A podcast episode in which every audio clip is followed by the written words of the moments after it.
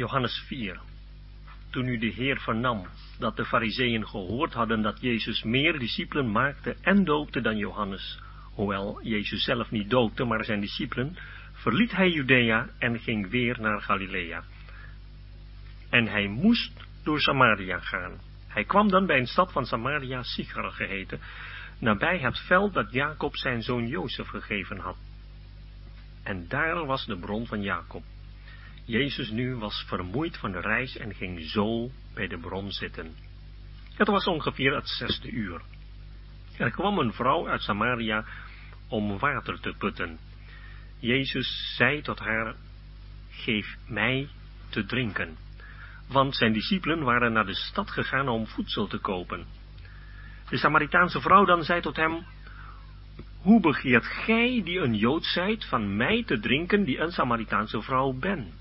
Want de Joden hebben geen omgang met Samaritanen.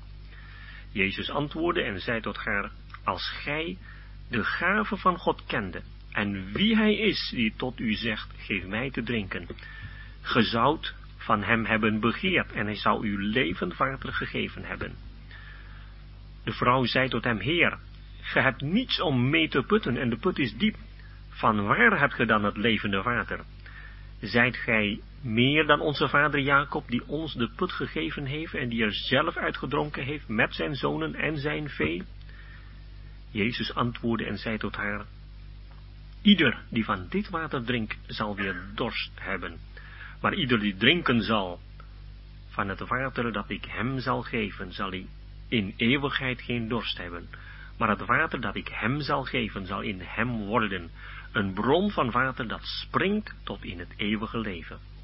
De vrouw zei tot hem, Heer, geef mij dat water, opdat ik geen dorst heb en ik niet meer hier kom om te putten.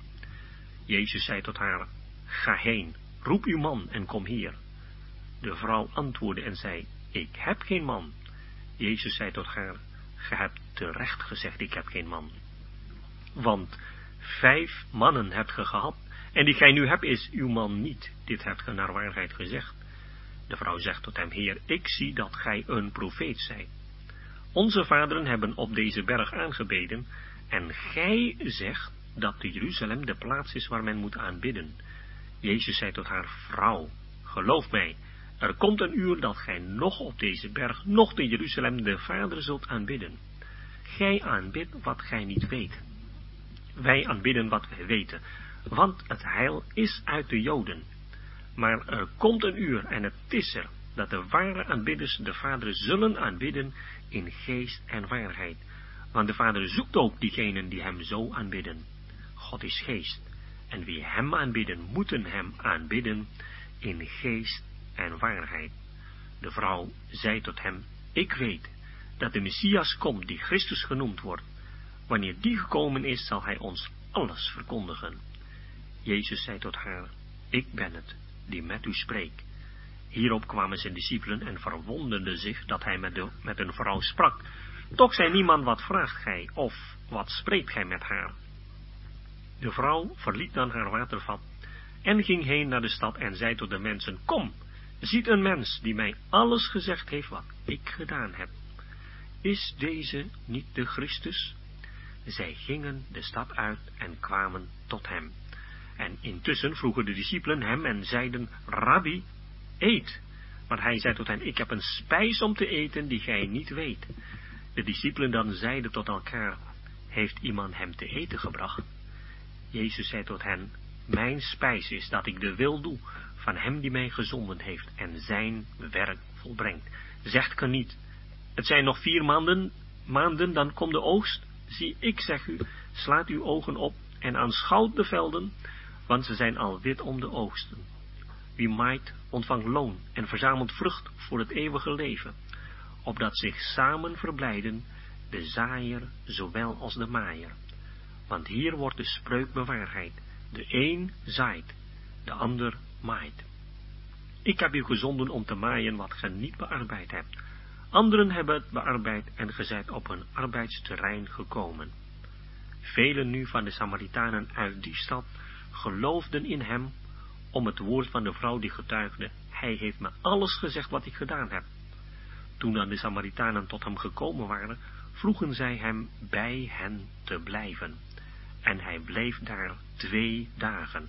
En er geloofden er veel meer om zijn woord. En ze zeiden tot de vrouw, we geloven niet meer op u zeggen, want we zelf, wij zelf hebben hem gehoord en weten dat deze waarlijk de heiland van de wereld is. Na die twee dagen vertrok hij vandaar en ging naar Galilea, want Jezus zelf getuigde dat een profeet in zijn eigen vaderland geen eer heeft. Toen hij dan in Galilea kwam, ontvingen de Galileërs hem, daar zij alles gezien hadden wat hij te Jeruzalem op het feest gedaan had, want ook zij waren naar het feest gegaan. Hij kwam dan opnieuw te Cana in Galilea, waar hij het water tot wijn gemaakt had. Er was een hoveling Capernaum wiens zoon ziek was. Toen deze hoorde dat Jezus uit Judea in Galilea gekomen was, ging hij tot hem en vroeg of hij wilde afkomen en zijn zoon gezond maken, want hij lag op sterven. Jezus dan zei tot hem, als gij geen tekenen en wonderen ziet, zult ge geen zins geloven. De hoveling zei tot hem, Heer, kom af, voordat mijn kind sterft. Jezus zei tot hem, ga heen, uw zoon leeft. En de man geloofde het woord dat Jezus tot hem zei en ging heen. En reeds terwijl hij afdaalde, kwamen zijn slaven hem tegemoet en berichten dat zijn kind leefde. Hij vroeg hen naar het uur waarop de beterschap was ingetreden, en ze zeiden tot hem, gisteren, de zeven uur, verliet hem de koorts. De vader erkende dan dat dat in dat uur was waarop Jezus tot hem gezegd had, uw zoon leeft. En hij geloofde, hij en zijn hele huis. Dit tweede teken heeft Jezus weer gedaan toen hij uit Judea in Galilea gekomen was tot zover.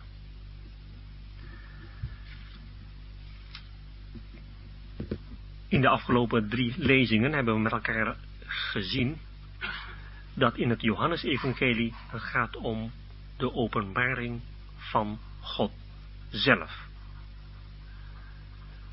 En de openbaring van God, dat hij vader was, dat vond plaats door de komst van de Heer Jezus. Hij, het eeuwige leven, is hier op aarde gekomen. En het leven is het licht der mensen. Maar we hebben gezien dat er twee soorten reacties zijn. Ten eerste, het licht schijnt in de duisternis en de duisternis heeft het niet begrepen. En de duisternis, dat vind je niet alleen onder de heidenen, maar dat vind je ook onder de religieuze volk, onder het volk Israël. En de tweede reactie is, dat vinden we in Johannes 1 vers 12, zoveel hem aangenomen hebben, hun gaf hij het recht om kinderen van God te worden. Twee soorten reactie op de komst van de Heer Jezus. Het eerste is een niet herkennen, ja zelfs, dat lees je in hoofdstuk 1 vers 10 en 11, een verwerpen.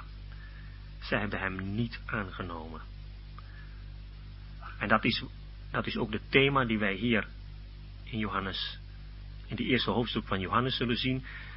De thema van verwerping enerzijds, maar ook anderzijds, dat ondanks de verwerping dat de Heer Jezus individuele personen zocht en vond. En diegene die hem aanneemt, die krijgt het recht om een kind van God te worden.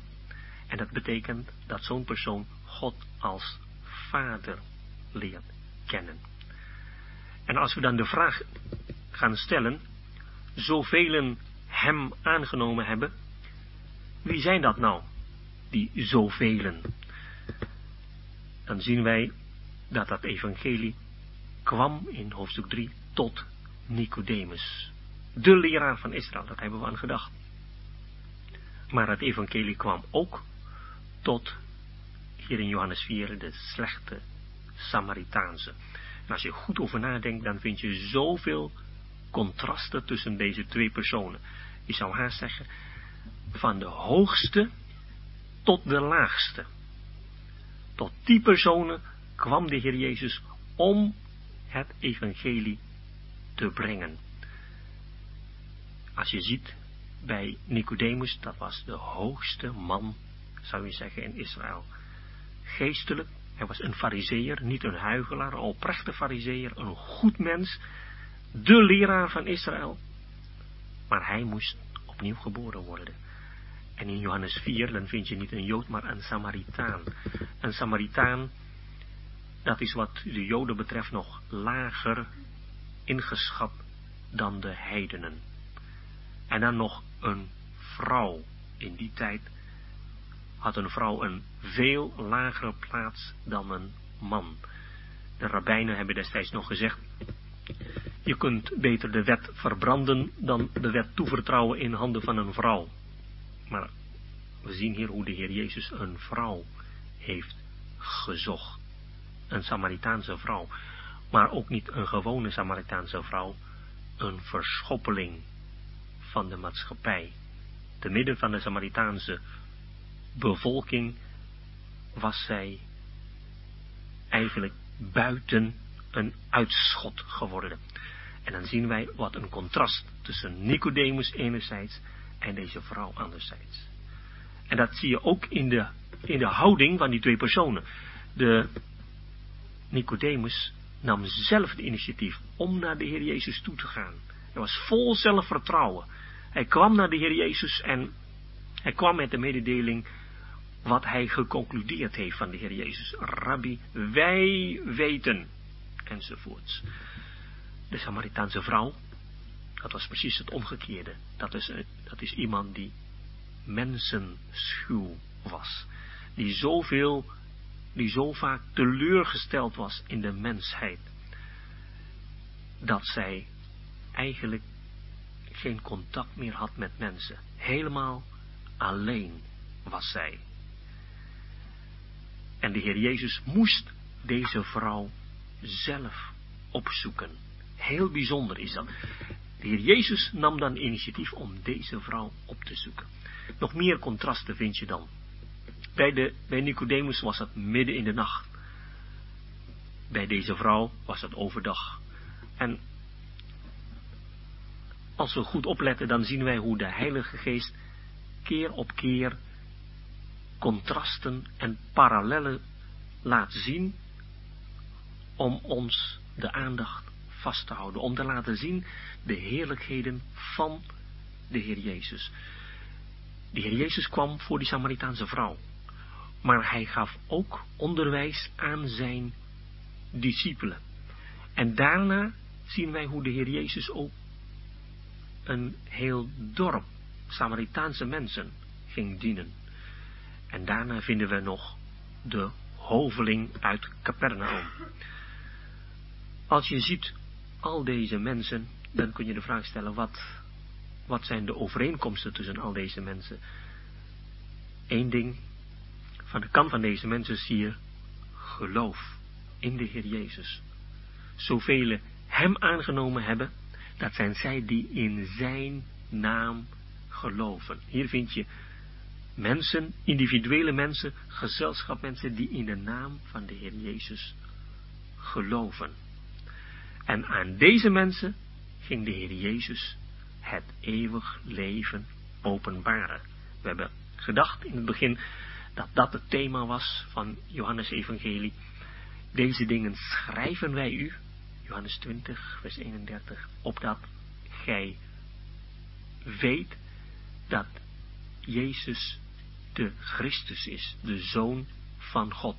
En opdat gij gelovende het eeuwig leven hebt in zijn naam. We hebben hier de openbaring van het eeuwig leven. Als wij dat eeuwig leven willen leren kennen, dan kijken we hier naar de Heer Jezus. Hij is het eeuwig leven. Als je in de Heer Jezus gelooft, dan word je een kind van God, dan heb je het eeuwig leven.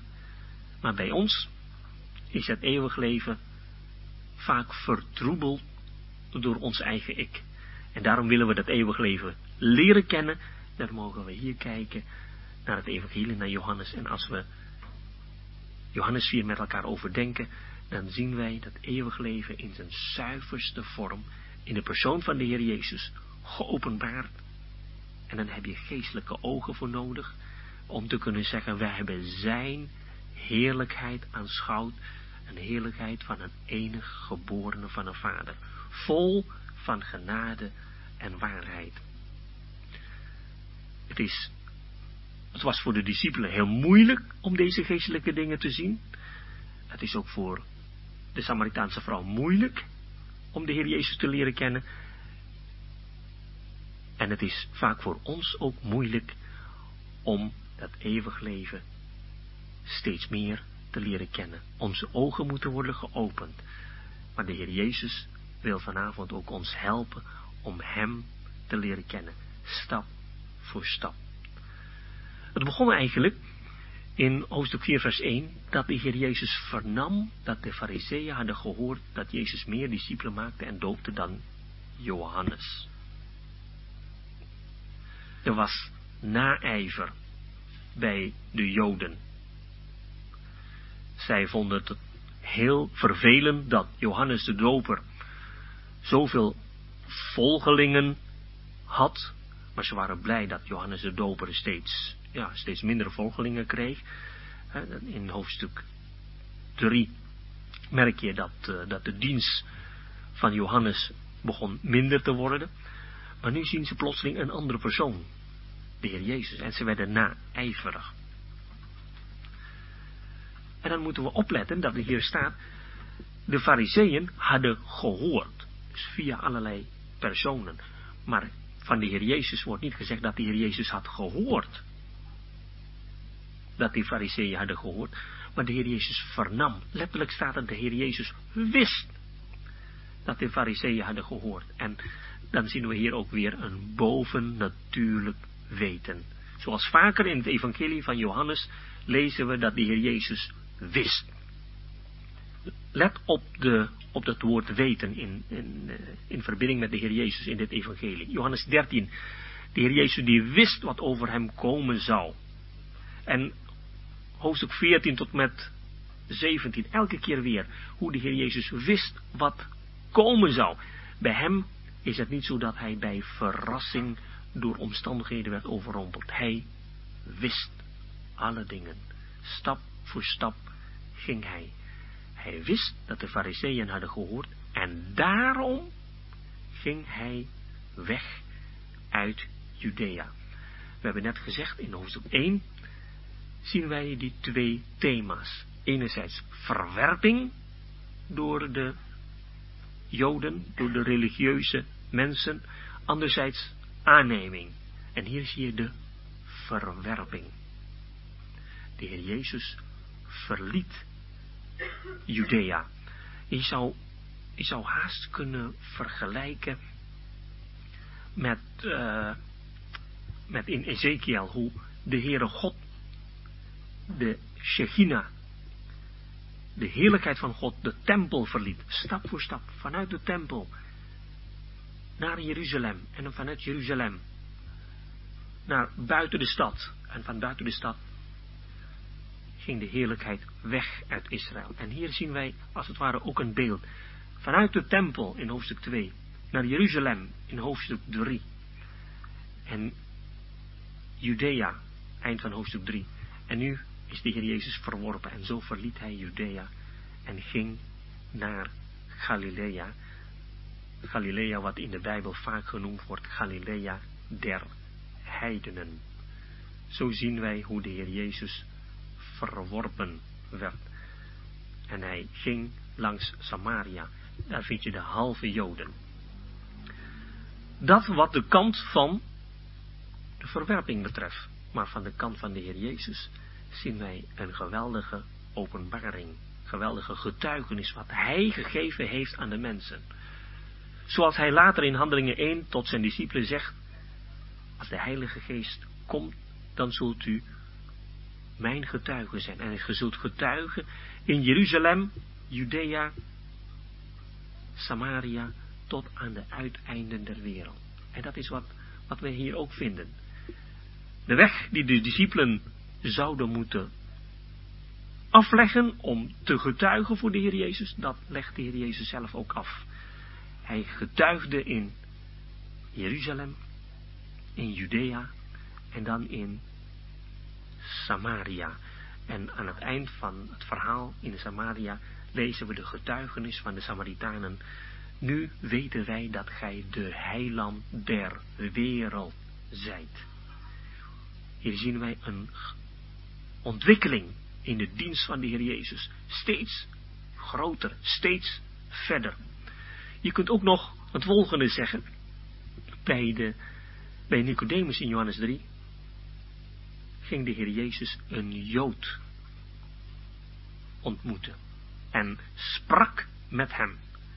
En bereikte zijn hart. Want Nicodemus vinden we later in het evangelie als gelovige. Toen hij openlijk beleed dat hij discipel van de Heer Jezus was bij de begrafenis van de Heer Jezus. In Johannes 4 vinden we de Samaritanen, de halve Joden. En aan het eind van Johannes 4, bij de hoveling, dan vinden we zeer waarschijnlijk een heiden. Volgens de traditie is het haast niet mogelijk dat een Jood een hoveling zou worden. Dat moet haast wel een Romein zijn. Maar nog een belangrijk argument is dat we vinden drie keer in de, in de evangelie dat de Heer Jezus op afstand genas.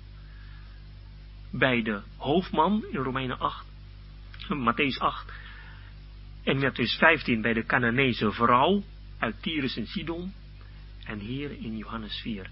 En dat is bij die andere twee keren ook op afstand. Om te laten zien, zoals Efeze 2 dat zegt, dat wij, heidenen, niet joden, wij waren van verre. Hij kwam om vrede te verkondigen voor hen die nabij waren en hen die ver waren. Wij, heidenen, waren van verre. En dat, dat, is, dat zien we toch ook hier bij deze hoveling. Hoe de Heer Jezus op afstand, als het ware, genas. Maar dan heb je de dienst van de Heer Jezus eerst voor de Joden. En dan vinden we de halve Joden. En dan de heidenen. De Grieken, zou je, zou zeggen. Een technische uitdrukking voor de heidenen. Hier zien wij hoe de Heer Jezus gekomen is om alle mensen te redden. Zoveel hem aangenomen hebben, en dan mag je voor die zoveel invullen, alle mensen, Jood en Griek. Zij die nabij en zij die veraf waren. En dan mogen we ook ons eigen namen invullen als diegene die door, door de Heer Jezus gezocht wordt. En dan lezen we hier in vers 2, hoewel Jezus zelf niet doopte, maar zijn discipelen. Het wordt hier even toegevoegd om, om te benadrukken dat de Heer Jezus, naar de getuigenis van Johannes de Doper, diegene was die zal dopen met de Heilige Geest. Er is een contrast in Johannes 1, dat Johannes de Doper zei, ik doop in water, maar hij die na mij komt, zal dopen in de Heilige Geest. En om de misverstand te voorkomen, dat je denkt, nou, Johannes de Doper heeft zich vergist, de Heer Jezus ging toch in water dopen, wordt hier toegevoegd, hij doopt niet, niet zelf, de discipelen. En dan vinden we hier in vers 4 dat de Heer Jezus moest door Samaria gaan. Als we kijken naar de plattegrond van Israël, dan vinden we Judea in het zuiden, Galilea in het noorden en in het midden vind je Samaria. Moet je dan door Samaria gaan als je naar Galilea wil gaan? Nee. Er zijn drie wegen om naar Galilea te gaan. Je kunt langs de kust gaan, en dat is een makkelijke weg. Je kunt ook over de Jordaan gaan, naar Jordanië, en dan langs de, langs de kust van de rivier, zeg maar langs de overkant van de rivier naar het noorden gaan. En dat is de weg die de meeste Joden namen, en dat is ook een weg die de Heer Jezus vaak heeft genomen. Als je leest dat de Heer Jezus vanuit Galilea naar Judea ging en door Jericho ging, dat betekent dat hij deze weg heeft genomen en de Jordaan heeft overgestoken vlakbij Jericho. Maar hier staat heel duidelijk, hij moest door Samaria gaan. De Heer Jezus leefde in de tijdschema, als ik dat met eerbied mag zeggen, van zijn vader. Dat hebben we gezien in Johannes 2. Mijn uur, mijn tijd is er nog niet. God heeft een tijd bepaald voor de Heer Jezus. En daarom ging hij door Samaria. En dat is geweldig als we dat mogen overdenken. Dat eeuwig leven is afhankelijk van de weg die de Vader heeft bepaald. Maar dat is ook in ons leven. Als je in Efeze 2 leest dat wij behouden zijn door genade, dan is het opdat wij, opdat wij zouden wandelen in de goede werken die Hij tevoren ons heeft bereid.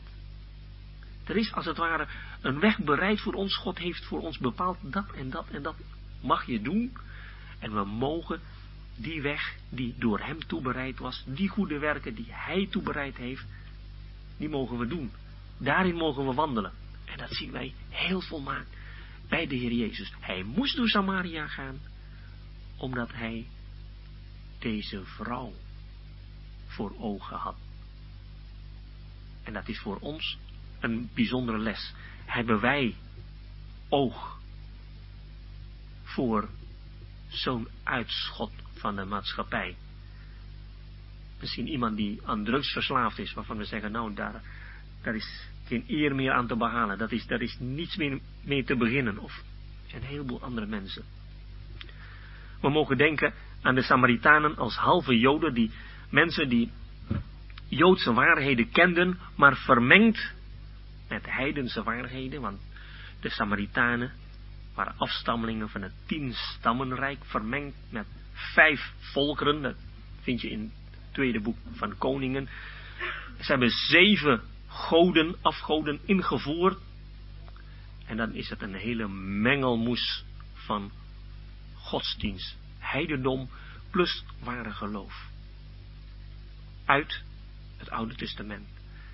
En dat vind je vandaag de dag ook heel veel mensen die lijken op deze Samaritanen. Die ergens wel in de Bijbel ook geloven, maar vermengd met allerlei gedachten. Kunnen we niet zeggen dat heel veel mensen in de kerken lijken op deze Samaritanen? Ze kennen half de waarheid. Kunnen we niet zeggen dat moslims die toch in hun Koran iets van de Bijbel hebben, ook te vergelijken is met deze Samaritanen? En dan kun je de vraag stellen, hebben we oog voor deze mensen? Of leven we langs hen heen? De discipelen, die leefden langs deze Samaritanen heen, dat zullen we zien. Maar de Heer Jezus, wiens spijs was de wil van zijn vader te doen, die had oog voor deze Samaritaanse vrouw.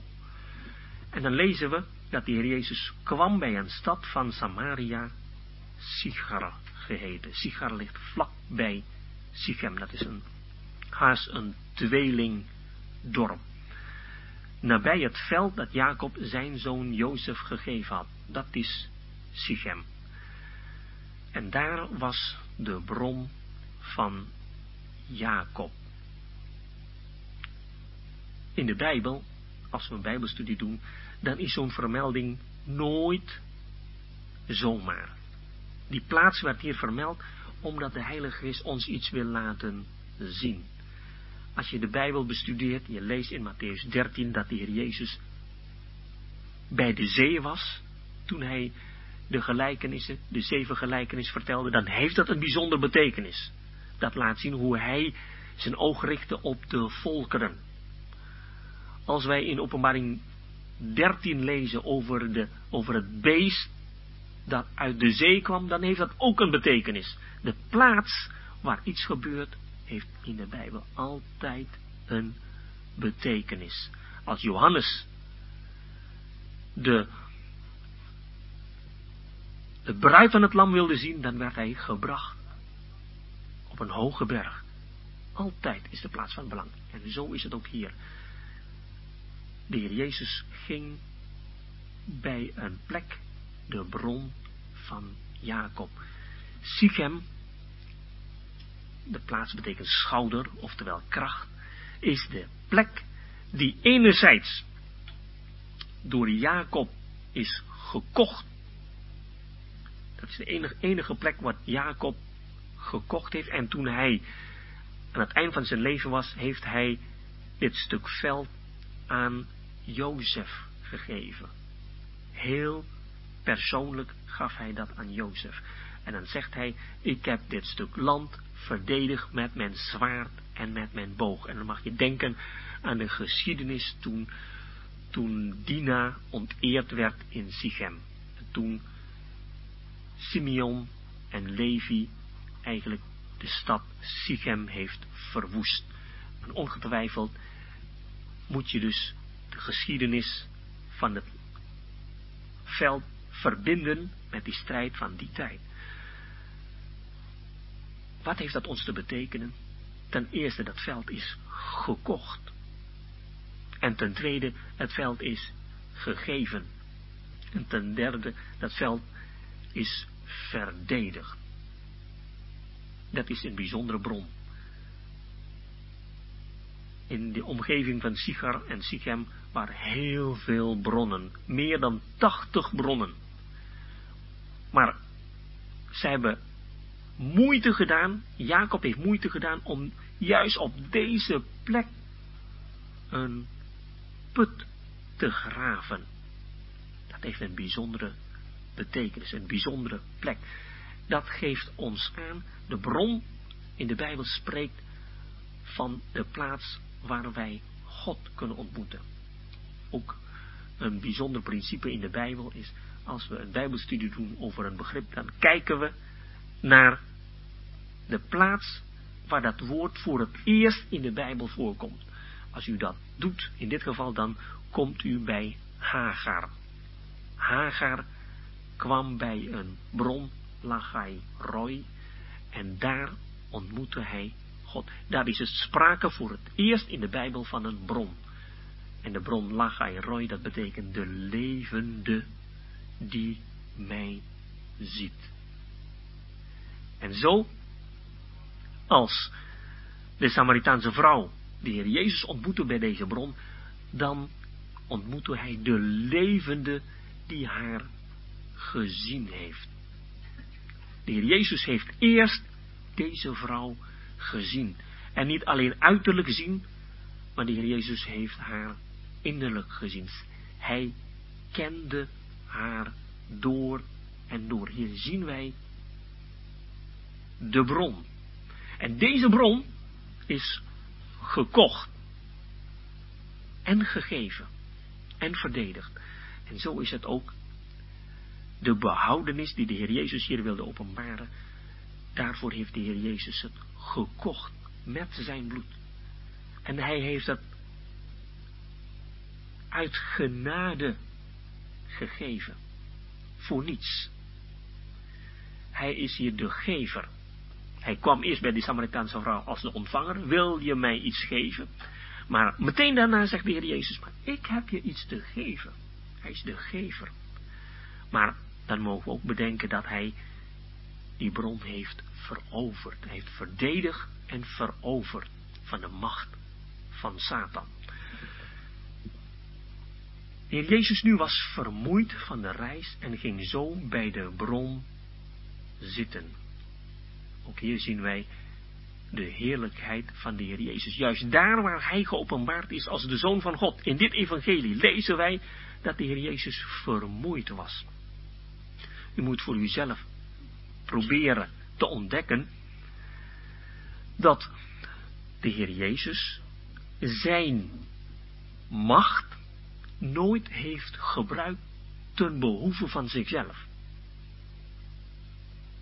Hij heeft zijn macht altijd gebruikt ten behoeve van anderen.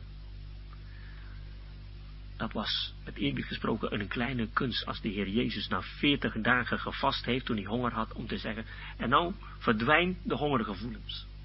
Het is een klein kunst om te zeggen, nu hij dorst had, dat hij of op een bovennatuurlijke wijze water zou krijgen, of dat hij zegt, dorstgevoel verdwijnt, of als, als hij moe was, dat hij zegt, en nou ben ik niet meer moe.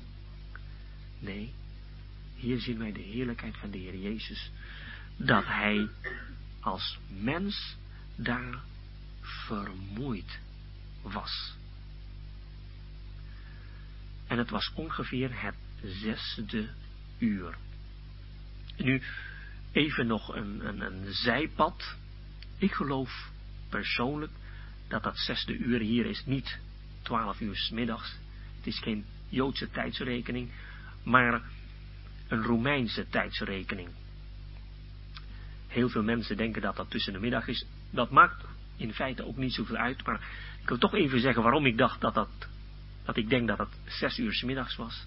Als u vergelijkt met Johannes 19, dan moet het duidelijk zijn dat Johannes de Romeinse tijdsrekening gebruikte. Want anders kom je in Johannes 19 niet uit met een Joodse tijdsrekening. Dat is één. En aangezien ik niet aanneem dat Johannes van de ene tijdsrekening naar de andere tijdsrekening overgaat, dan denk ik dat dat hier ook een Romeinse tijdsrekening was. In de tweede plaats, de discipelen gingen om maaltijd toebereiden, te kopen in Sigar. En Joden en Samaritanen in die tijd aten twee keer per dag, niet drie keer, twee keer per dag, s morgens en s'avonds.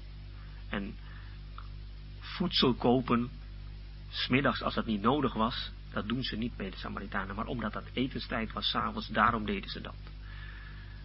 De vrouwen, die gingen water putten, altijd of vroeg in de morgen, of laat in de avond, ook in verbinding met die maaltijden, maar nooit tussen de middag. Je hebt mensen dan die zeggen, nou deze vrouw, die was mensenschuw en daarom ging hij tussen de middag water zoeken, dat zou kunnen, maar je zou kunnen zeggen, er waren tachtig waterbronnen in die omgeving. En die heel dichtbij waren. In Sigar en in Sichem zelf. Maar deze vrouw ging juist ver weg van Sigar om water te putten om zes uur. Om juist mensen te ontwijken. En in de vierde plaats, we lezen dan bij die hoveling dat dat het zevende uur was toen dat kind genas afstand uit Cana naar Capernaum was zo'n zes uur lopen. Als dat de Joodse tijdsrekening was, dan had die vader onmiddellijk terug kunnen komen, terug kunnen gaan naar Capernaum, om op tijd zijn zoon te bereiken. Maar als het zeven uur s avonds was, dan begrijpen wij dat hij pas de volgende dag terugging naar Capernaum. Want dan anders moet je midden in de nacht lopen vanuit Cana naar Capernaum. Zo ziet u even in het kort waarom ik denk dat dat hier gaat om Romeinse tijdsrekening. Als we denken dat dat zes uur s'avonds was en de Heer Jezus was vermoeid, dan begrijpen we ook dat ze gedwongen waren om in Samaria, in het dorp, zelf wat te kopen. Als het tussen de middag was, dan had je even gauw nog een paar uur door kunnen lopen. Dan was je in Galilea, dan had je niet boodschappen hoeven doen in Samaria. Want de verhouding tussen Joden en Samaritanen waren bar slecht.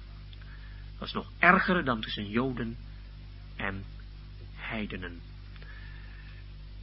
De Joden zeiden in die tijd, het was beter om varkensvlees te eten dan om eten of drinken te ontvangen van een Samaritaan. Maar daarom is het zo bijzonder dat we hier lezen in vers 7, dat toen een vrouw uit Samaria kwam om water te putten, dat de Heer Jezus zei, geef mij te drinken. Hoe heeft de Heer Jezus zich vernederd om het hart van deze vrouw te bereiken. Geef mij water te drinken. En de Samaritaanse vrouw zei tot hem, hoe begeert gij die een Jood zijt, van mij te drinken die een Samaritaanse vrouw ben? Je ziet de gevoelens van, nou als uh, normaal gesproken willen Joden niet met Samaritanen omgaan, maar nu, nu u mij nodig hebt, nu wilt u wel met mij spreken en van mij water vragen. Dat begrijpt hij niet. Hoe kan dat nou? Een Jood van een Samaritaan. Terwijl het niet kosher was om het vat van de Samaritaanse vrouw te gebruiken. Terwijl het niet normaal was voor een man om een vreemde vrouw in openbaarheid te spreken. Dat lezen we in vers 27. De discipelen kwamen en verwonderden zich dat hij met een vrouw sprak. Het was in die tijd niet netjes. Het was als uitspraak van de rabbijnen niet netjes om met een vrouw te spreken en helemaal niet in openbaarheid. En ook niet met een vrouw die je niet kent. Maar de Heer Jezus heeft dat gedaan. En daarom was deze vrouw verbaasd. Joden hebben geen omgang met Samaritanen. Maar de Heer Jezus ging daar niet op in. Daar, en daar vinden we de heerlijkheid van de Heer Jezus. De vrouw dacht dat ze te maken had met een Jood. Maar hier vinden we niet zomaar een Jood. Ja, naar het vlees is hij uit de Joden geboren. Maar hier vinden we iemand die iets kan geven. Niet iemand die iets wil ontvangen, maar iemand die iets kan geven. Hij zei, als gij één, de gave van God kende, twee, wie hij is die tot u spreekt, geef mij te, geef mij te drinken, gij zoudt van hem hebben begeerd. En drie, hij zal u levend water gegeven hebben. De Heer Jezus noemde hier drie dingen, waardoor de belangstelling van deze vrouw werd opgewekt. Hier zien wij ook hoe de Heer Jezus daalde tot het niveau van de mensen. Bij, de, bij Nicodemus, de fariseer, sprak de Heer Jezus onmiddellijk over het koninkrijk van God. De Heer Jezus zei onmiddellijk, als je niet wederom geboren wordt, kun je het koninkrijk van God niet zien. Nou, dat is de dagelijkse thema, zeg maar, bij de fariseeën. Ze spraken haast nergens anders over dan over het koninkrijk van God. En daarom, toen de Heer Jezus sprak over het koninkrijk van God, toen was de belangstelling van Nicodemus meteen gewekt. En hier sprak de Heer Jezus niet over het koninkrijk van God, maar over water. En de belangstelling van die vrouw was meteen gewekt, want dat is haar leven. Ze had elke dag water nodig en ze moest heel ver lopen en we moeten bedenken dat put is zo diep, wel meer dan 30 meter diep en waarschijnlijk in die tijd nog veel en veel dieper. Dan is het een zware arbeid om dagelijks dat water te putten. Echt zware arbeid. Moet je eens een keertje proberen. 30 meter. Toen ik klein was, toen, toen hadden we thuis ook een put. Nou, dat is niet zo diep. Misschien wel 4, 5 meter. Maar dat is ook al een hele arbeid om elke keer met een emmer water te putten. En nu 30 meter diep. En daarom was haar belangstelling onmiddellijk gewekt. Maar, ze begrijpt dat niet. Ze zegt, Heer, hoe? Hoe moet dat nou? Gij hebt niets om mee te putten. Hoe moet dat nou? Net als Nicodemus heeft precies dezelfde manier gereageerd.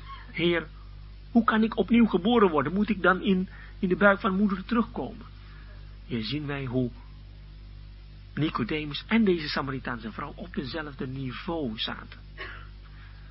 In de ogen van de mensen, heel groot verschil, in de ogen van God ze waren allebei blind voor de geestelijke dingen. En die vraag komt dan bij ons, naar ons toe. Hoe is het bij ons? Zijn onze ogen geopend voor de geestelijke dingen? Of zien wij slechts de natuurlijke, de aardse dingen? Dat zullen we, we zullen straks zien bij de discipelen, hoe ook bij hen precies hetzelfde het geval was. Die vrouw heeft nu aangevoeld. Hier sprak niet zomaar een Jood. Hier sprak iemand die meer is dan een Jood. En nu komt de vraag, zijt gij meer dan Jacob? Die ons de put gegeven heeft. Onze vader Jacob.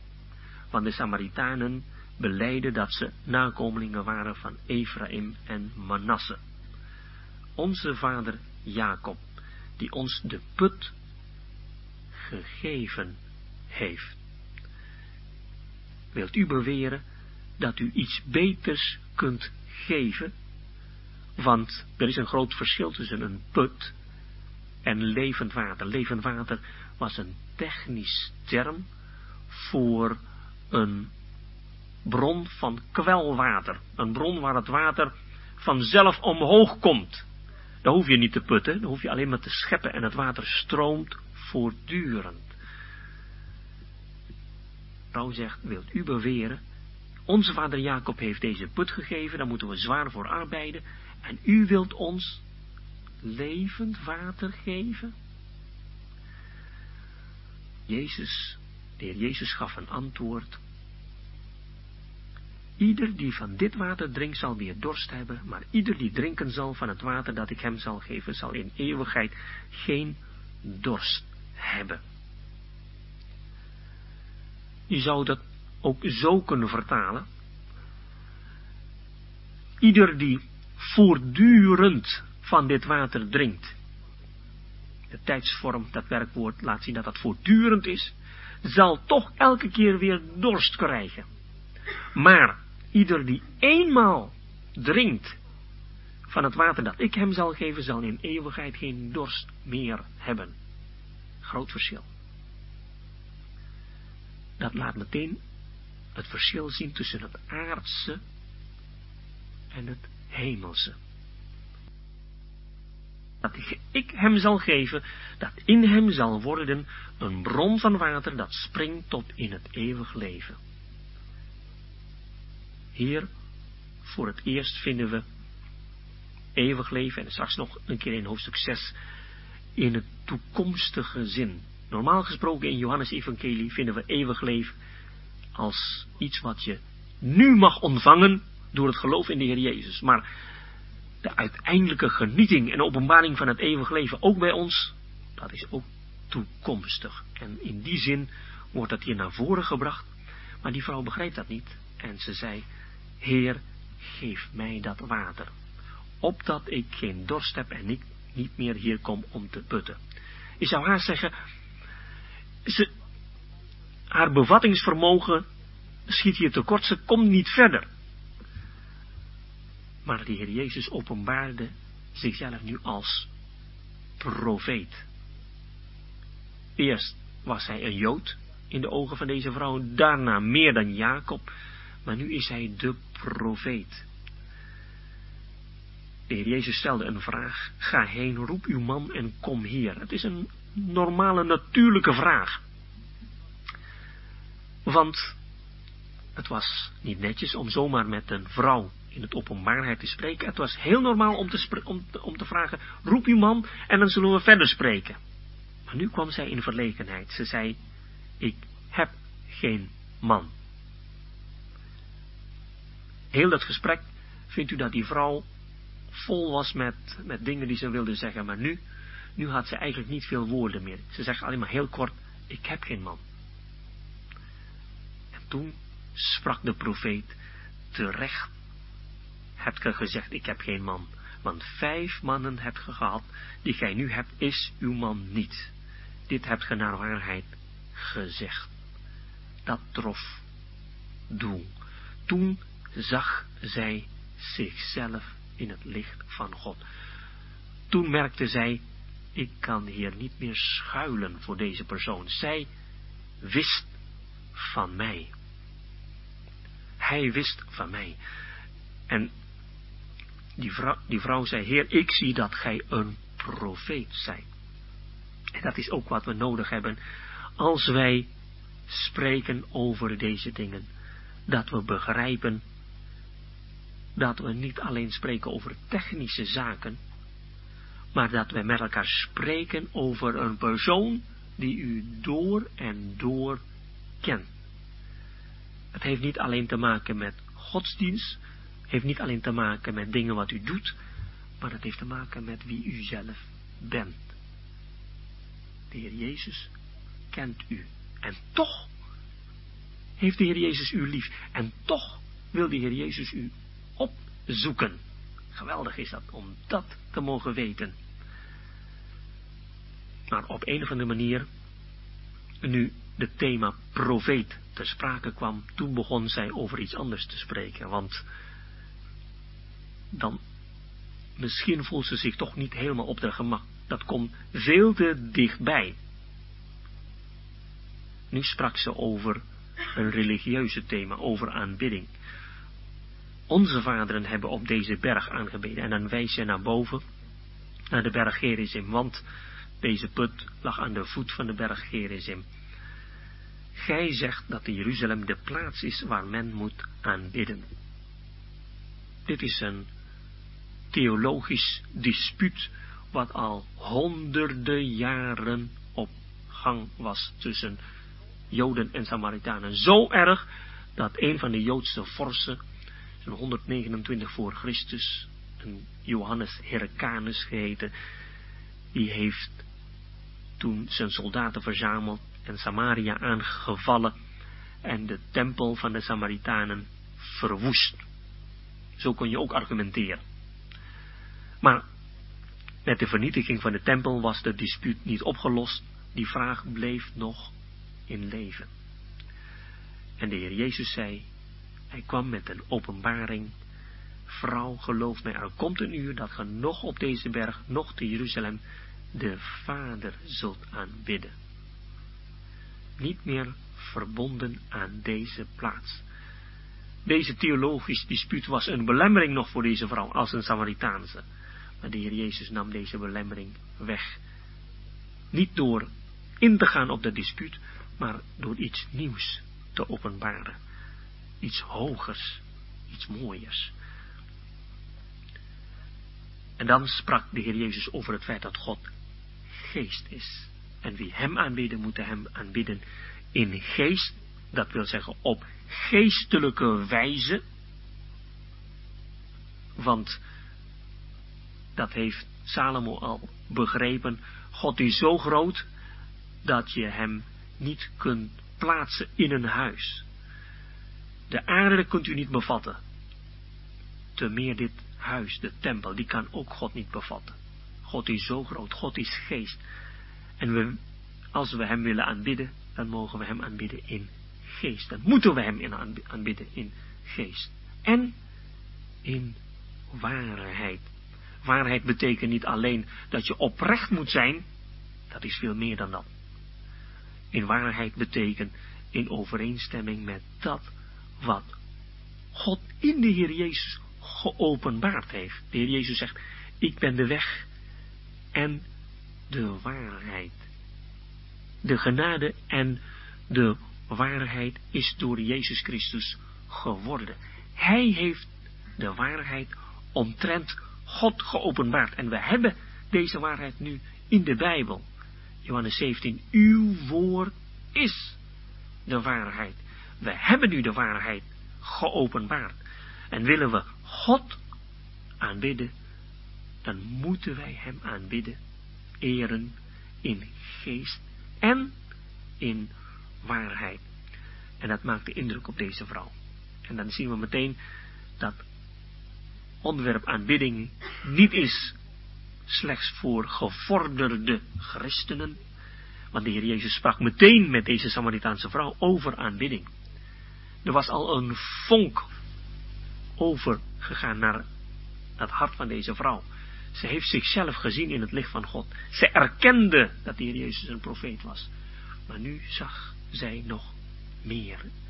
Nu zag ze de aanbidding, de nieuwe aanbidding die in geest en waarheid is. En toen sprak ze over de Messias. Ik weet dat de Messias komt die Christus genoemd wordt. De Samaritanen die geloven alleen in de vijf boeken van Mozes. En in die vijf boeken van Mozes is er sprake van de profeet. Deuteronomium 18.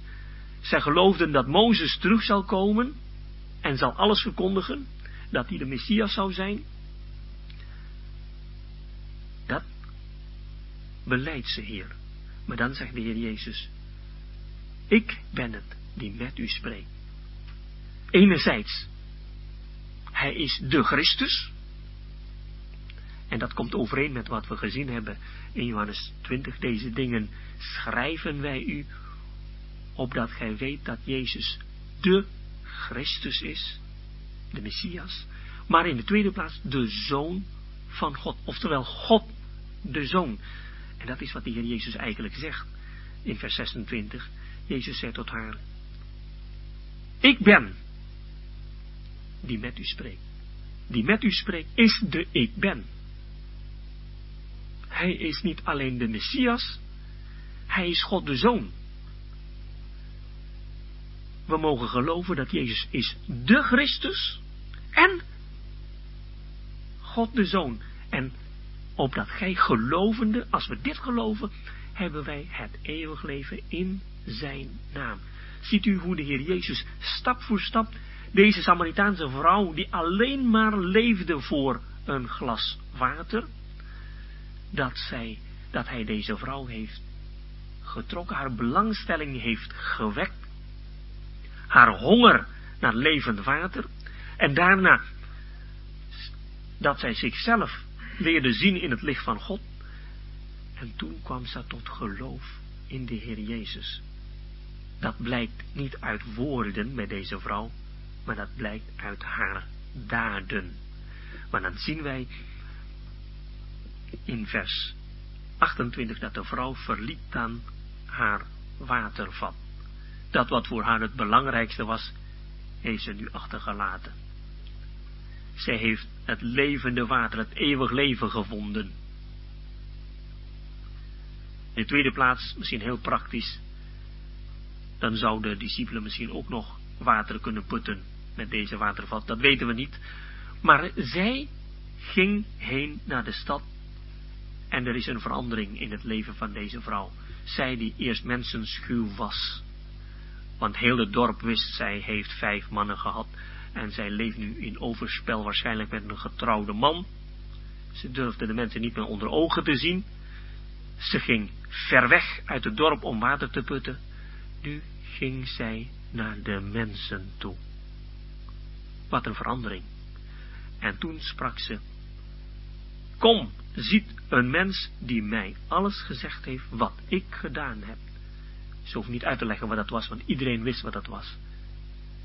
Maar nu kwam ze zelf voor de dag. Ze gaf een getuigenis. Ze ging niet discussiëren over wie de Heer Jezus was, maar ze gaf een getuigenis over wat de Heer Jezus met haar gedaan heeft. De Heer Jezus heeft alles verteld, alles gezegd wat, hij, wat zij gedaan heeft. Dat is getuigenis. Als wij met mensen willen spreken over de Heer Jezus, dan moeten we geen dispuut, geen theologisch gesprek aangaan. Wat we mogen doen is getuigen, vertellen wat de Heer Jezus aan. Denk ik aan Johannes 9, de blindgeborene. Hij kreeg allerlei moeilijke vragen over of de Heer Jezus wel of niet een zondaar was. Toen sprak hij, ik weet het niet. Één ding weet ik. Ik was blind en nu kan ik zien. Tegenover een getuigenis, daar is geen antwoord. Je kunt niet discussiëren over een getuigenis, maar dat is een feit, een ervaring die je meegemaakt hebt. En zo heeft deze vrouw getuigd van de Heer Jezus. En dat is nodig. We hebben gezien dat dat licht schijnt in de duisternis. De duisternis, duisternis heeft het niet begrepen. En toen moest God een mens zenden, Johannes de Doper, om van dat licht te getuigen. En zo moest de Heer Jezus deze vrouw als het ware zenden om aan de Samaritanen te getuigen van hem. Om de mensen te vertellen over de Heer Jezus. Nu gaan wij van deze vrouw over naar de discipelen. De discipelen die waren bezig met voedsel. Ze zeiden, Rabbi, eet. Het antwoord wat de Heer Jezus gaf. Ik heb nagedacht en ik dacht, nou als ik antwoord zou moeten geven, dan zou ik misschien een scherpe antwoord geven en zeggen, jongens, uh, zitten jullie alleen maar te denken aan, aan, aan aardse dingen? Uh, er is hier iets, iets, iets, uh, iets geestelijks aan de gang. Nee, de Heer Jezus gaf een wijngevoelig antwoord. Ik heb een spijs om te eten die gij niet weet. De discipelen begrepen, moesten gaan nadenken. Toen dachten ze na, heeft iemand hem te eten gebracht. We hebben gezien bij Nicodemus, de Heer Jezus sprak over wedergeboorte, toen dacht, dachten ze, dacht hij nou, dan moet ik in een moederschoot terugkeren. De Heer Jezus sprak met de Samaritaanse vrouw over levend water. Toen dacht zij aan letterlijk levend water. En nu sprak de Heer Jezus over spijs. Dachten de discipelen ook over letterlijk spijs. Maar de discipelen hadden geen oog voor de geestelijke dingen. Laten we niet denken dat we beter zijn. De Heer Jezus legde uit, mijn spijs is dat ik de wil doe van Hem die mij gezonden heeft en zijn werk volbreng. En nu richtte de Heer Jezus de aandacht van de discipelen van spijs naar de bron van spijs. Dat is oogst. En de Heer Jezus zegt, zegt ge niet, het zijn nog vier maanden, dan komt de oogst. Dat hebben ze onderweg gezegd. Want het was medio december en vier maanden later zou, zou het oogst zijn. Zie, ik zeg u, slaat uw ogen op en aanschouw de velden, want ze zijn al wit om te oogsten. Daar is het verschil tussen de natuurlijke en de geestelijke dingen. Bij de natuurlijke dingen, als je tarwe zaait, dan duurt het zes maanden voordat het opkomt. In december dan is dat al misschien, zo hoog, twee maanden oud, maar het duurt toch vier maanden. Maar met de geestelijke dingen ligt dat anders. Laat uw ogen op en aanschouw de velden, want ze zijn al wit om te oogsten. Nog maar een half uur van tevoren werd het woord gezaaid door deze vrouw. En nu was het alweer rijp om te oogsten. Slaat uw ogen op. Terwijl de Heer Jezus dat zei, gingen ze allemaal omhoog kijken. En wat, wat zagen ze? Ze zagen wat in vers 30 staat. De mensen gingen de stad uit en kwamen tot hem. Dat woord kwamen was komende. Ze waren onderweg op hem, naar hem toe. Dus toen, zag, toen zagen de discipelen uit die twee dorpen allemaal mensen komen. En de Jezus zei hier, slaat uw ogen op en aanschouwt de velden. Toen begrepen ze pas, ja, hier vind je een geestelijke oogst. Geestelijke oogst. En dat was een beschaming voor deze discipelen. Deze discipelen hebben, hadden helemaal niet gedacht dat de Samaritanen misschien wel zouden gaan geloven in de Heer Jezus. Ze zijn naar de Samaritanen gegaan alleen maar om voedsel te kopen. Maar de oogst, de wil van God, hebben ze niet gezien. Hoe is het met onze verhouding met de Samaritanen van deze tijd? Met de halve christenen. Wij gaan ook met hun om. Maar gaan we met hun om alleen maar omdat wij soms wat nodig hebben van hen? Omdat wij misschien, ja, zoals hier, eten of misschien andere dingen nodig hebben? Of hebben we oog voor de oogst die misschien er zou zijn? dat deze mensen door de Heer Jezus gezocht zijn? Of moet de Heer Jezus de slechte Samaritaanse zwakken van deze wereld heeft God uitverkoren erken te beschamen? Terwijl de rabbijnen hebben gezegd, je kunt beter de wet verbranden dan dat toe te vertrouwen in handen van een vrouw, heeft de Heer Jezus zijn woord toevertrouwd in de hand van een vrouw. En met welk een resultaat? En toen moesten ze leren dat zij moesten oogsten in een veld die zij niet gezaaid hebben. En later zullen ze dat nog een keer moeten ervaren. Toen Petrus en Johannes opnieuw naar Samaria moesten gaan in het boek der Handelingen. Dat veld was al van tevoren bewerkt en gezaaid door een evangelist, Filippus. Deze principe wilde God keer op keer gebruiken. En nu gaan wij van de discipelen naar de Samaritanen. De Samaritanen, velen van hen geloofden op grond van het woord van deze vrouw. Toen vroegen zij hem bij hen te blijven. Vroegen ze de Heer Jezus om bij hen te blijven. Welk een wonder. Terwijl Joden geen omgang hadden met Samaritanen, hebben ze de Heer Jezus gevraagd om bij hen te blijven. En de Heer Jezus Bleef daar twee dagen. Welk een genade vinden we hier bij de Heer Jezus. Maar ook met welk een resultaat. We lezen in vers 41, er geloofden er veel meer om zijn woord. En ze zeiden, we geloven niet meer op u zeggen. Wij zelf hebben hem gehoord en weten dat deze waarlijk de heiland van de wereld is. Welk een wonder. Te geloven niet meer op grond van de woorden van deze vrouw, maar rechtstreeks van de Heer Jezus. Hoe is het met ons? Hoe is ons geloven? Is ons geloven alleen maar op grond van wat anderen hebben gezegd? Bij jongeren misschien omdat ze van hun ouders hebben gehoord? Andere gelovigen, bij gelovigen omdat ze hebben gehoord van mensen misschien die schrift kennen? Die zelf een persoonlijke ontmoeting hebben gehad met de Heer Jezus? zien wij dat dat niet zo ver zijn, dat we op grond van dat wat we gehoord hebben, zelf aan de Heer Jezus vragen, Heer, wilt u nu in mijn leven komen? Weg met de Heer Jezus gaat. En dat je geloof niet meer gebaseerd wordt op dat wat anderen hebben gezegd, maar omdat je zelf de Heer Jezus hebt gehoord. Hier zien wij de bedoeling van de Heer Jezus, de wil van God met de Samaritanen. Dat ze rechtstreeks in de Heer Jezus geloven. Twee dagen bleven ze daar en toen ging de Heer Jezus terug naar Kana en daar kwam hij bij die hoveling. Er was een hoveling te Capernaum wiens zoon ziek was. En deze kwam naar Kana, dezelfde plaats als in Johannes 2, waar de Heer Jezus die wonderen heeft gedaan, dat water wijn werd. Lezen we hier dat zijn zoon lag op sterven.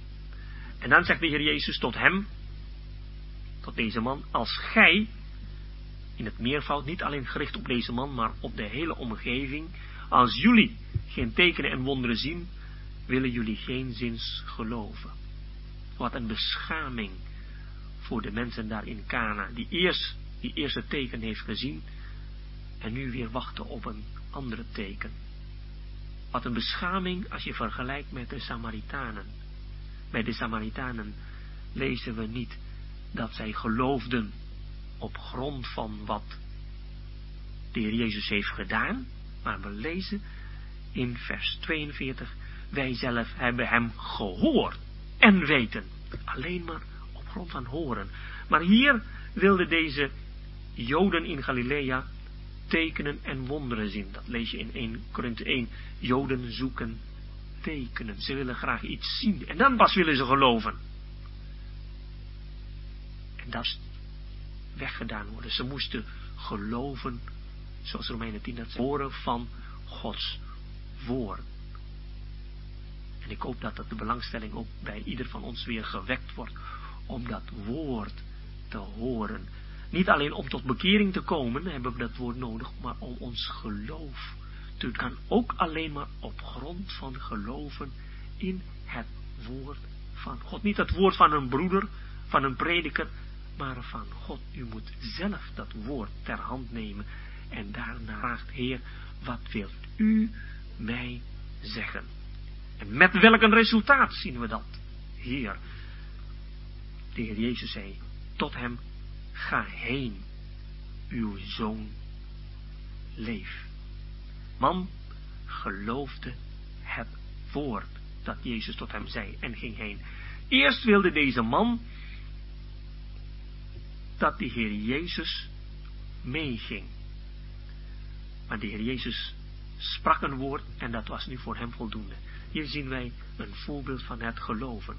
Geloven, niet omdat hij iets gezien heeft, maar alleen maar op grond van wat de Heer Jezus heeft gezegd.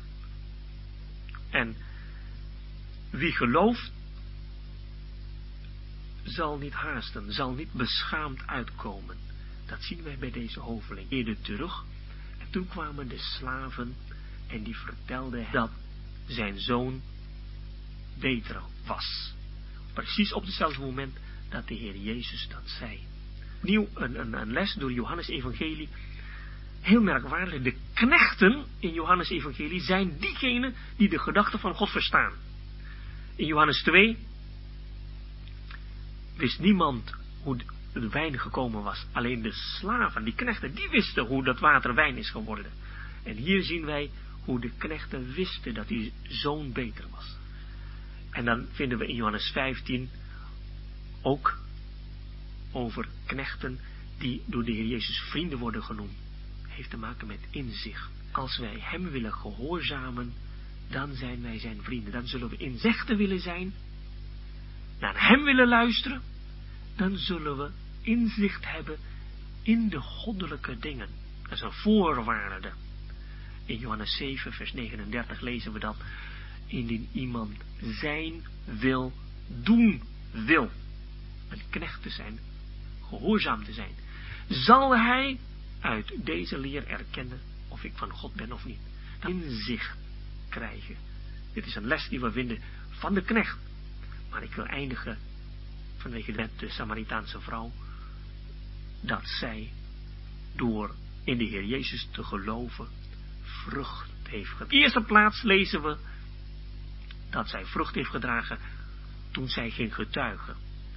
En daarna kwamen de mensen door, zijn, door haar getuigenis tot de Heer Jezus. En dan lezen we in vers 41, er geloofden er veel meer om zijn vrucht, om zijn woord.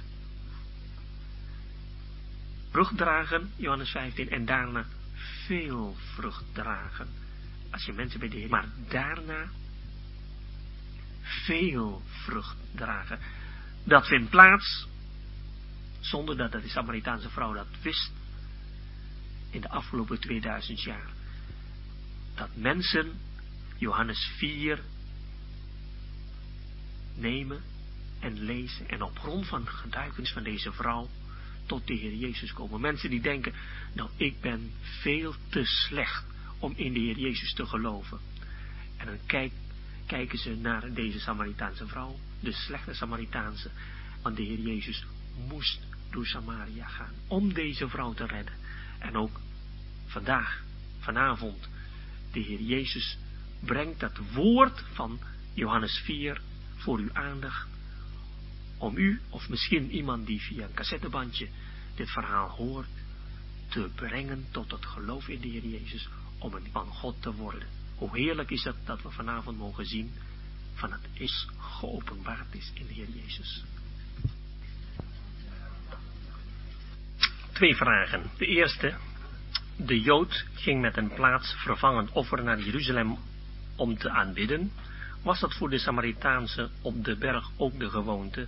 Zo ja, houdt haar vraagstelling dat dan ook in. De Jood ging met een plaatsvervangend offer naar Jeruzalem om te aanbidden. Was dat voor de Samaritaanse op de berg ook de gewoonte? Zo ja, houdt haar vraagstelling dat dan ook in. Antwoord was eigenlijk ja, dat houdt dat ook in voor de Samaritaanse vrouw en ook voor de Samaritanen in het algemeen. En nu nog, als je naar Israël gaat, je gaat naar Nablus, het dorp in Nablus, dat is Sichem van vroeger, daar vind je nog een honderdtal Samaritanen, die doen dat nog. En dat doen ze op grond van Deuteronomium 11 over Gerizim en Ebal. Waar God zegt, als je in het land bent aangekomen, dan zul je naar de berg Ebal en Gerizim gaan, een altaar daar neerzetten en de zegen en de vloek uitspreken. De zegen, Deuteronomium 28, als je, uh, als je de wet gehoorzaamt, die zegen wordt uitgesproken op de berg Gerizim, en de vloek op de berg Ebal. En als u naar Israël gaat, dan zult u nog altijd zien dat de berg Gerizim groen is. Dat is de berg van de zegen. En de berg Ebal, dat is rotsachtig, dat is kaal, er groeit niks op. Dat is de berg van de vloek. En tussen die twee bergen ligt de plaats Sichem. En dan begrijpt u dat die verbondsvernieuwing van Jozua aan het eind van het boek Jozua, dat is ook een, uh, dat vond ook plaats in Sichem.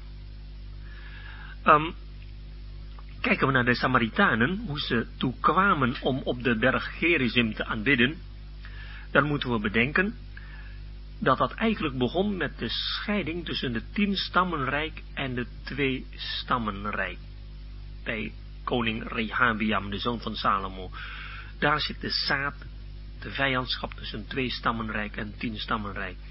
En rond 722 voor Christus, toen werd de tien stammenrijk door de koning van Assur weggevoerd tot voorbij Babylon. En dan lezen we in twee koningen hoe de koning van Asser naar zijn gewoonte, hij heeft dat vaker gedaan, een vijftal volkeren heeft gebracht vanuit Babel en dan naar het westen en dan bij de rivier de Eufraat naar het zuiden, vijftal volkeren meegebracht naar Samaria. En dan leest u daar in twee koningen het ontstaan van een mengvolk die zowel de Heere aanbidt als de zevental afgoden. En dan vindt u een hele tijd een stilte, totdat de twee stammenrijk terugkwamen uit, de ballingschap. En dan leest u in Ezra 4 en Nehemia 4 hoe de Samaritanen hebben aangeboden om de Joden, om Zerubabel in Ezra 4 te helpen. Dat werd geweigerd. Toen werden de Samaritanen boos. En vanaf dat moment hebben ze de Joden tegengewerkt en geprobeerd in alles hun leven zuur te maken. En in het boek Nehemia vinden we een begin van een vermenging tussen de Samaritanen en de Joden. En Nehemia heeft met een sterke hand dat tegengehouden. Al die Samaritaanse vrouwen werden weggestuurd. Maar de geschiedenis vertelde verder dat de zoon, vlak daarna, de zoon van de hoge priester Jadua, een man genaamd Manasse, werd verliefd op de dochter van Sanballat en ging met haar trouwen. Deze Manasse werd dan weggejaagd door de Joden. Hij vluchtte naar Samaria en hij heeft daar eigenlijk een altaar op Gerizim gebouwd en heeft daar de Samaritaanse godsdienst meer en meer gestalte gegeven. En vanaf dat moment krijg je de Samaritaanse godsdienst, waarbij ze vanuit, uh, wat het Oude Testament betreft, alleen maar de vijf boeken van Mozes accepteren. Dat is één. Want in die andere boeken dan zie je toch heel duidelijk dat Jeruzalem de plaats was die God heeft uitverkoren, maar in die vijf boeken van Mozes was dat nog niet zo duidelijk. En dan hebben ze alles wat een verwijzing inhield op Jeruzalem veranderd. En ze hebben zelfs in Exodus 20 een elfde gebod toegevoegd. volgens hun telling was het natuurlijk wel tien. Maar dat elfde gebod luidt, gij zult de berg Gerizim een altaar bouwen en daar alleen zult gij aanbidden. En dat is dus de reden dat de Samaritanen altijd offerden op de berg Gerizim. Ze hebben daar ook meteen een tempel gebouwd, een schitterend tempel. Een concurrent op de tempel in Jeruzalem. En dan kun je dus voorstellen dat zodra de Joden kans daartoe kregen, toen ze aan de macht kwamen, 129 voor Christus, toen hebben ze die tempel in Gerizim verwoest. Maar dat betekende niet het einde van de tempeldienst op de, op de Gerizim. Maar dan lezen we hier in het Johannes-evangelie dat ze, ondanks de verwoeste tempel, nog altijd naar het altaar op de Gerizim gingen om te offeren. En eigenlijk 2000 jaar later, nu nog, gingen ze nog altijd offeren op de Gerizim. Dat is heel tragiek, want in de afgelopen 2000 jaar hebben de Joden niet meer kunnen offeren op Jeruzalem, omdat daar een moskee staat. Maar de Samaritanen hebben al deze 2000 jaar nog altijd offers kunnen brengen op de berg Gerizim. Maar wat de Heer Jezus ons duidelijk maakt is dan dat onze aanbidding niet meer afhankelijk is van een aardse plaats, maar van een geestelijke plaats. Een plaats met geestelijke kenmerken, namelijk waar twee of drie vergaderd zijn in mijn naam. Dat wil zeggen, een plaats waar zijn gezag volkomen erkend wordt. Daar is de Heer Jezus in het midden. En dat komt tot uiting, volgens 1 Korinthe 11, aan de hoofden van de mannen en de vrouwen.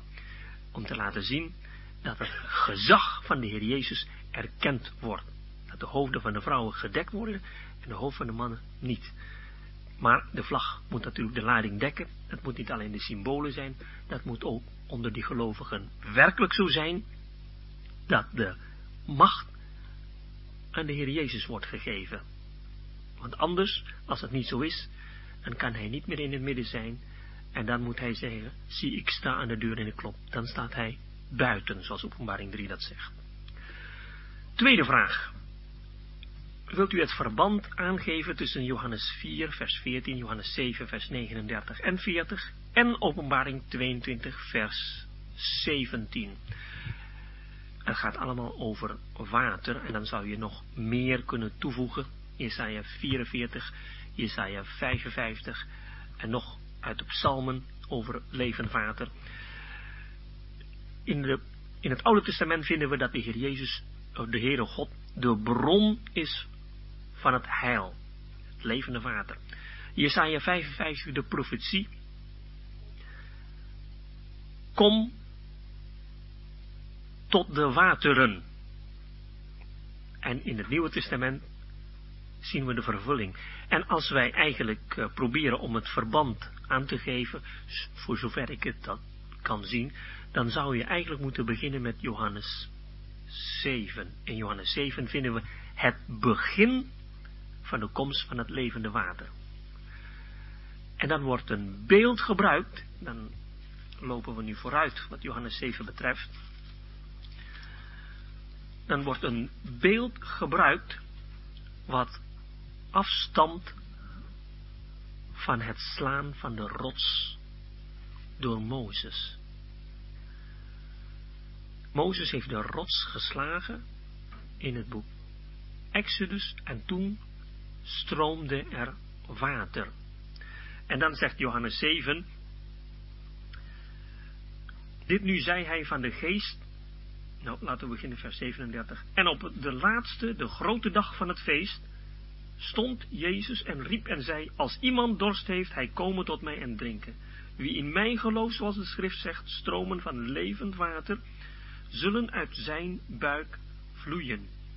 Dit nu zei hij van de geest die zij in hem geloven ontvangen zouden, want de geest was er nog niet, omdat Jezus nog niet verheerlijk was.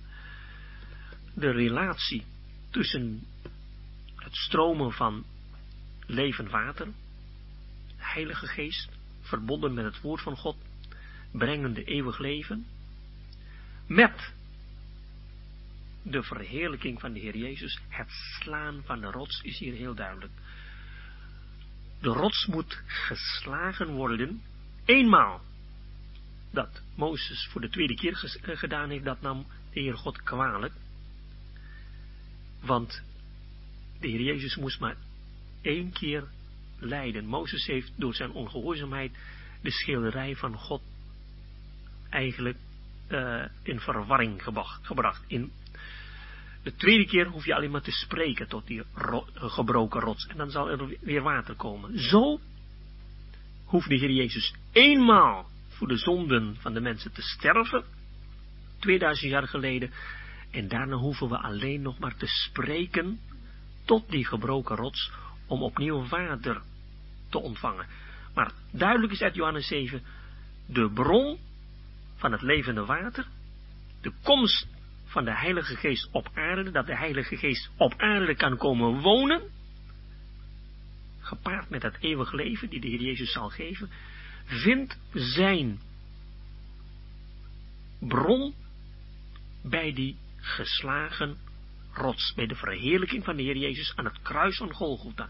Dat staat centraal. Daarom was de Heilige Geest tot dat moment niet op aarde. Wel werkzaam op aarde, maar niet wonend op aarde. Groot verschil. En nadat de rots geslagen is, het water is gaan stromen, dan moeten we naar openbaring 22 gaan. Dan vinden we dat water aangeboden aan de mensen. Openbaring 22 is wat dat betreft heel wonderlijk zelfs aan het eind van het boek Openbaring, nadat alles wat de toekomst betreft ontvouwd was, kwam de Heer Jezus opnieuw met het evangeliewoord. Want in vers 17, de geest en de bruid zeggen, kom. Dat wordt gezegd tot de gemeente. Over de gemeente. De, gemeente is hier de bruid. En de Heilige Geest wordt eerst genoemd, helpt de bruid, de gemeente, om de verwachting van de komst van de Heer Jezus hoog te houden. Om te zeggen, kom. En dan gaat het naar de individuele personen. En wie het hoort, laat hij zeggen, kom. Dat wordt ook tot gezegd tot individuele gelovigen vanavond. Dat hij de komst van de Heer Jezus mag verwachten. Maar daarna komt de boodschap tot ongelovigen. En wie dorst heeft, laat hij komen. Wie wil, nemen het water des levens om niet. Dat kan, omdat de rots geslagen is, Johannes 7. Maar als iemand eenmaal gekomen is bij deze rots en dat water ontvangen heeft, en dan komen we bij Johannes 4, en dan merkt hij wat dat water voor invloed heeft in zijn leven. Dan is het niet zo dat je elke dag opnieuw bij, dat, bij die rots moet komen om water te ontvangen. Je hoeft niet elke dag de Heer Jezus weer aan te nemen. Eentje is voldoende, want, en dan vinden we in Johannes 4, vers 14. Ieder die drinken zal van het water dat ik hem zal geven, zal in eeuwigheid geen dorst hebben, maar het water dat ik hem zal geven, zal in hem worden een bron van water dat springt tot in het eeuwig leven. Dat is heel wonderlijk. Dat is niet meer natuurlijk water. Natuurlijk water, dan heb je dat water gedronken en een uur later dan wil je nog meer drinken. Maar geestelijk water, dat water komt in je hart en dat wordt veranderd, dat wordt zelfs een bron van levend water. Dan dat betekent dat zul je nooit meer dorst hebben, maar het betekent ook dat je dat water wat opborrelt in je, dat mag je doorgeven aan anderen. Zo werkt dat eeuwig leven. En dat hebben we gemerkt bij deze Samaritaanse vrouw. Zij heeft van het levende water gedronken en dat is bij haar geworden tot een bron dat springt tot in het eeuwig leven. En het merk je het effect. Overal waar ze naartoe ging, dat werkt dat bruisende, levende water in haar omgeving. Mensen komen tot geloof in de Heer Jezus. Dat is het effect van het verfrissende, van het frisse water. En zo mag dat ook zijn in uw en mijn leven, dat dat bij ons niet is van dat stilstaande water, braakwater, maar dat bij ons ook dat levendige, dat opbruisende van het eeuwig leven aanwezig mag zijn. En dat zullen de mensen opmerken. En dan vertel je, getuig je van wat je met de Heer Jezus vandaag hebt meegemaakt. En dan zullen mensen daardoor bij God, bij de Heer Jezus worden gebracht. En dat is denk ik hier de betekenis. Dat een bron zal worden dat springt tot in het eeuwig leven. Dat stroomt maar en het stroomt maar. En dat is denk ik ook onze bede, dat als we vanavond hebben genoten van het woord van God over dat levend water, dat we niet als een vergeetachtig hoorder naar huis gaan, maar dat we naar huis gaan met die overtuiging, dat wil de Heer ook in mijn leven doen.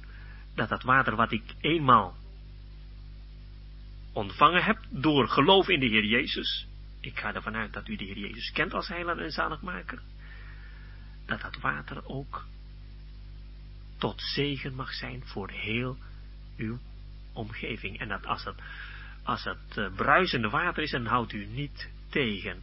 als, dat merkt u ook in, in uh, uh, vorige maand in Nederland. Als het waterpeil steeds meer hoger komt, nou, dat is, dat is haast niet te houden. In, in sommige plaatsen dan stroomt het zo de huizen binnen.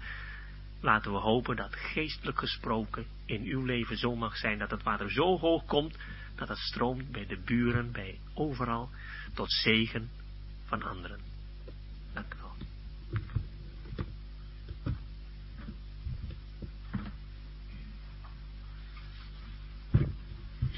Rest mij nog u wel thuis te eten en zo de Heer wil en wij leven graag tot 10 maart.